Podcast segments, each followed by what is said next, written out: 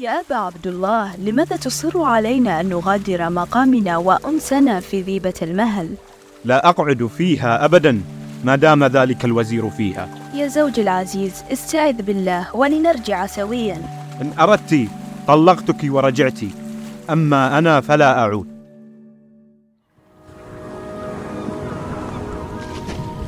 بودكاست حكاية. نغوص في أعماق الحكاية.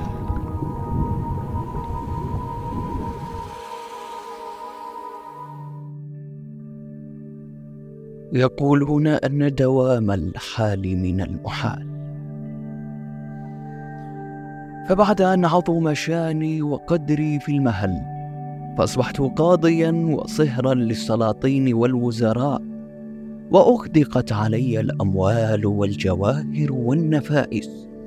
بدأت بيني وبين وزير يقال له عبد الله بن محمد الوحشة فكاد علي المكائد. وضيق علي الديار حتى كرهتها وأهلها وقررت الرحيل. وكان ذلك لمكانتي عند سلطان الهند ومكانتي عند سلاطين المهل.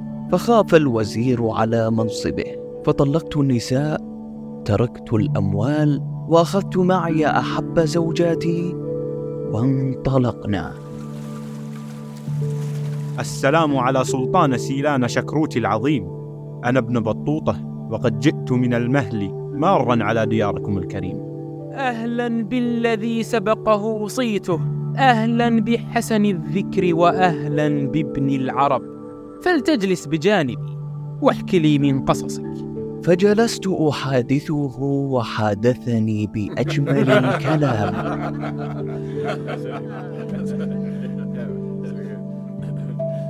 حتى دخل علينا أحد خاصته بجواهر البحر. قد أتوا بها من مغاصاتهم. لا تستحي. قم وخذ ما في نفسك. زادك الله يا حضرة السلطان. إنما جئت لأرى موضع قدم أبانا آدم عليه السلام.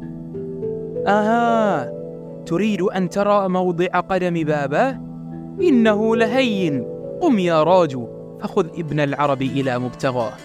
فسرنا في قافلة عظيمة قد ملأها سلطان سيلان لنا زادا وعبيدا فمررنا ديارا كثيرة وأكرمونا خير إكرام ومررنا ديارا بها فيلة كثيرة. إلا إنها لا تؤذي الغرباء. فعجبت من ذلك فسألتهم عن خبرها. في عام من الأعوام أتانا شيخ يقال له أبي عبد الله قاصدا زيارة قدم آدم عليه السلام ولم نكن قد رأينا أحدا من المسلمين قط. فخفنا منه وأخذنا نؤذيهم فلا نبيعهم ولا نآكلهم ألا تبيعوننا زادا نقتات منه هداكم الله؟ ربع وجهي. فلا نبيع الغرباء. هيا. لا حول ولا قوة إلا بالله. وقد كانت الفيلة تعيش بالقرب منا وكانت لا تألفنا ولا نقربها ولا تقربنا.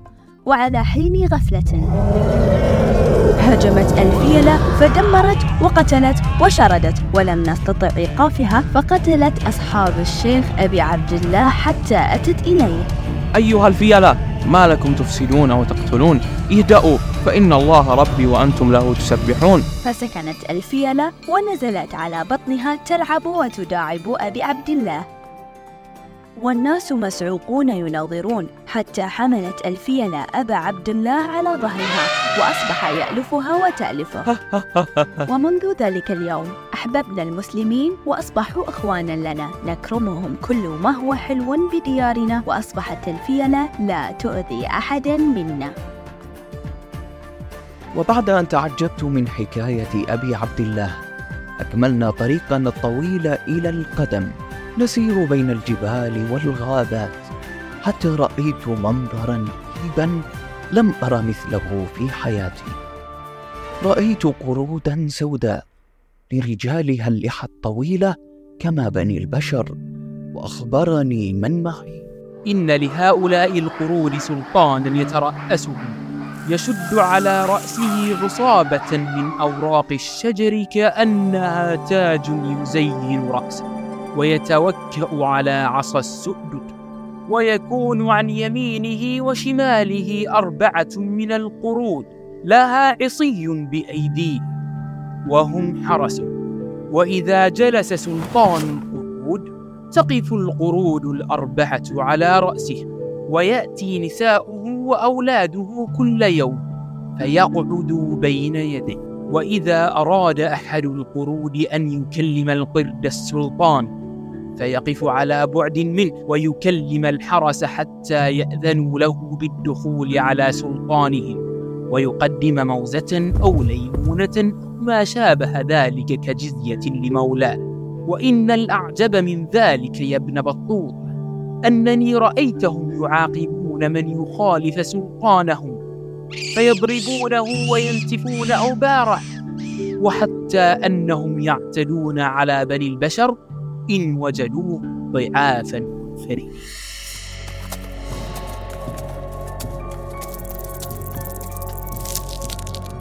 آه ما هذا؟ تبدو وكأنها علقة فانزعها عن يدي يا ابن بطوطة! انظر إلى الدماء كيف تتطاير من يدي. ما هذا؟ أعوذ بالله تبا لها من علقة. ما الفعل يا رجال السلطان؟ اهدأوا يا جماعة فالأمر بسيط. أعطني ليمونة. أعطني السكينة الخشبية. يا رجل. وكيف حللت الأمر بهذه السهولة؟ إنه العلق الطيار تجده عند الحشائش التي تقرب من الماء. حله بسيط. ولكن إن لم تحل له أهلكك. وبعد يومين من المسير والمجموع تسعة أيام سفر رأينا جبل سرنديب العظيم وهو موطن القدم الشريفة التي أردنا الوصول لها وهو جبل عظيم.